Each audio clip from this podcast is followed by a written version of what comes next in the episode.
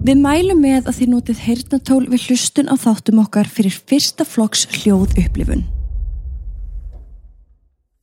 Þúsundir Íslendinga verða árlega fyrir aðkasti vegna atbyrða sem ekki eiga sér eðlilega skýringar. Í gegnum tíðina höfum við fengið talsvert af sögum sendar til okkar þar sem fólki raunverulega að lýsa hræðslu og óta á yfirnáttúrulegri upplifun. Atvikum sem hafa komið fyrir þau á stopnunum, vinnustöðum en þó lang oftast inn á þeirra eigin heimilum. Í þessum þáttum munum við fara verið aðsendar sögur, deila þeim með ykkur og rýna betur í þær saman. Ég heiti Stefan John Og ég heiti Katrín Bjarkadóttir og þetta eru sannar íslenskar draugasögur.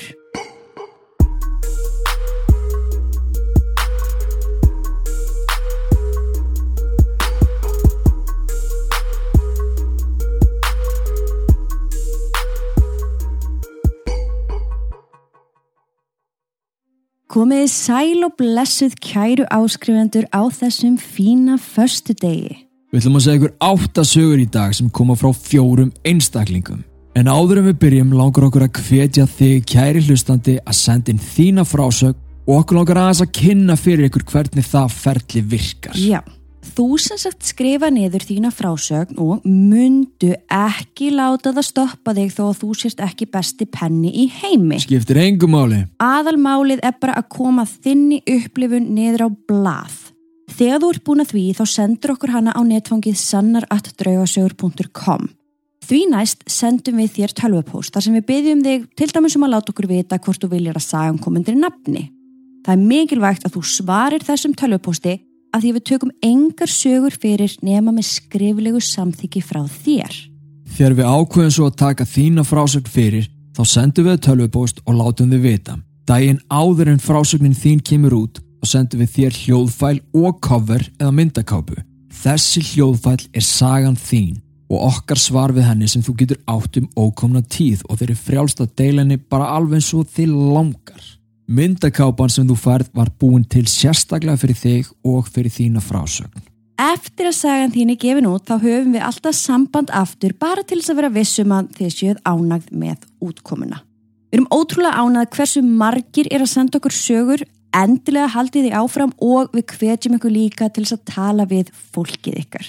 Þau lögum alveg fullt af sögum sko. Já, sko, einn sagan í dag kemur til dæmis frá stúlku sem er að segja okkur sögur frá afa sínum. Mm. Og ég er að segja ykkur það, mömmur og pappar, afar og ömmur, þau lögum oft á mjög skemmtilegum sögum sem að þið viti kannski genið svonni af. Nefnilega. Svo verið döglega að tala við ykkar fólk og sjáu hvort það sé áhugi fyrir hendi að senda inn frásögn. Við minnum líka á að ef það er einhverju sem eiga mjög erfitt með að skrifa einhverju hluta vegna, þá er alltaf í búið að bóka símdali okkur þar sem þið geti sagt okkur frá ykkar upplifun.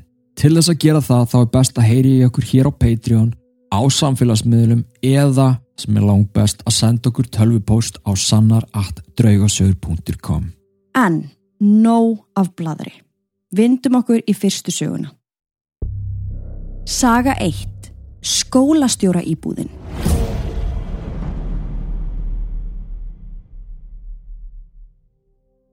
Heil og sæl, ég hef mjög nýlega uppgötað podcastið ykkar og ég verða viðkynna að mér finnst það æði. Það er ótrúlegur léttir að vita að það er haugur af fólki sem er að upplifa það sama og ég. Ég er uppspretta af sögum en mér langar að deila með ykkur einni sögu sem að gerist í kringum 2010. Þegar ég var um tvítugt var ég búin að vera lengi að reyna að finna mér íbúð til leigu þar sem íbúðin sem ég var í var seld og ég varð að fara. Ég fæ loksins íbúð sem er aðeins frá bænum sem ég bjó í. Þessi íbúð var gömul skólastjóra íbúð og var hún staðsett hjá gömlum skóla og íþróttarhúsi sem var og er ekki lengur í nótkunn. Þarna við hliðin á er svo staðsett kirkja og kirkjugarður. Ég hafði heyrt um að það væri draugagangur þarna en ég var nú ekki mikið að veltaði fyrir mér svona fyrst að ég var loksins komin með íbúð. Svona eftir á að higgja hefði ég kannski átt að hugsa mig betur um. Loksins komað flutningum og ég er búin að koma megninu af dótinu inn í íbúðuna en þar sem það var smá stegagangur til þess að komast að íbúðinni þá var því að fá hjálp við að koma fristikistunni inn. Ég ringdi félaga minn til að aðtöða hvort að hann kæmist að bera með mér fristikistuna og hann hjælt það nú og saðist vera komin eftir cirka 10-15 mínútur. Ég ákvað að hafa opið út og inn í íbúðuna þannig að hann geti hóað í mig þegar hann kæmi og þurfti ekki að hlaupa upp. Eftir að hafa beðið í cirka 5 mínútur er kallað hátt og skýrt. Halló! Ég stekk á fætur og hrópa, hvað, ertu bara komin? Og hleyp fram á gang. En þar var engin. Ég held að það væri einhver að fýblast í mér, þannig að ég hleyp út í rökkrið en það er nákvæmlega engin. Ég hugsaði með mér að þetta væri nú eitthvað skrítið og geng aftur inn. Nokkru mínútum setna er aftur kallað. Halló! Og ég fer fram, en aftur grýp ég í tómt. Ég gekk aftur inn í íbúð og sest niður og fæ kuldarhóll. Ég hugsaði með mér hvort það hefði verið góð hugmynd að leiða þetta húsnaði. Í því kemur félagi minn og ég spyr hann hvort hann hafi verið að fýblast í mér áður en hann kom, en hann kom algjörlega að fjöllum og vissi ekkert um hvað ég var að tala. Þá ákvað ég að segja ekki meir. Þvottahúsið fyrir íbúðuna var staðsett á hæðinni fyrir neðan svo að ég varð að fara niður með þvottin. Fyrstu skiptin sem ég fer niður á þó finn ég alltaf skýta kulda en pælt ekkert sérstaklega í því þar sem það var vetur. En eftir stuttan tíma þá fer mér að líða eins og það sé alltaf einhver á eftir mér þegar ég geng niður í þvottahús og alltaf var þvottahúsið eins og fristiklefi þó að opnin var í heitur. Mér var eiginlega farið að kvíða fyrir því að þurfa að fara niður í þvottahús vegna þess að þessum kulda fylgdi alltaf rosalega mikil vanlíðan. Einni gerðist það nokkrum sinnum að ef ég leit út um gluggan þegar ég var að brjóta saman þvottin að þá sá ég mína speilmynd í glugganum og svo var einhver dökkur skuggi fyrir aftan mig. Ég var eiginlega hægt að þóra að líta út um gluggan því að mér langaði ekki að sjá þennan skugga. Dóttir mín sem er á þessum tíma á öðru ári fekk sitt eigið herbergi þegar við fluttum inn. Eftir að hafa búið þarna í cirka mánuð þó fer ég að heyra fótatak fram á gangi þegar ég var komin upp í rúm. Í fyrstu var þetta bara eins og smá teppl og ég held fyrst að dótti mín hefði klifrað upp úr rimlarúminu og farið á stjá, en þegar ég fór á gáði þá steinsvaf hún í rúminu sínu. Fótatækið fór svo að stigmagnast eftir því sem tímin leið og var þetta orðið halgert þram eftir ganginum sem að stöðvaðist svo við herbergishörðina mína. Þessu fylgdi alltaf mikill kuldi og mér leið mjög illa.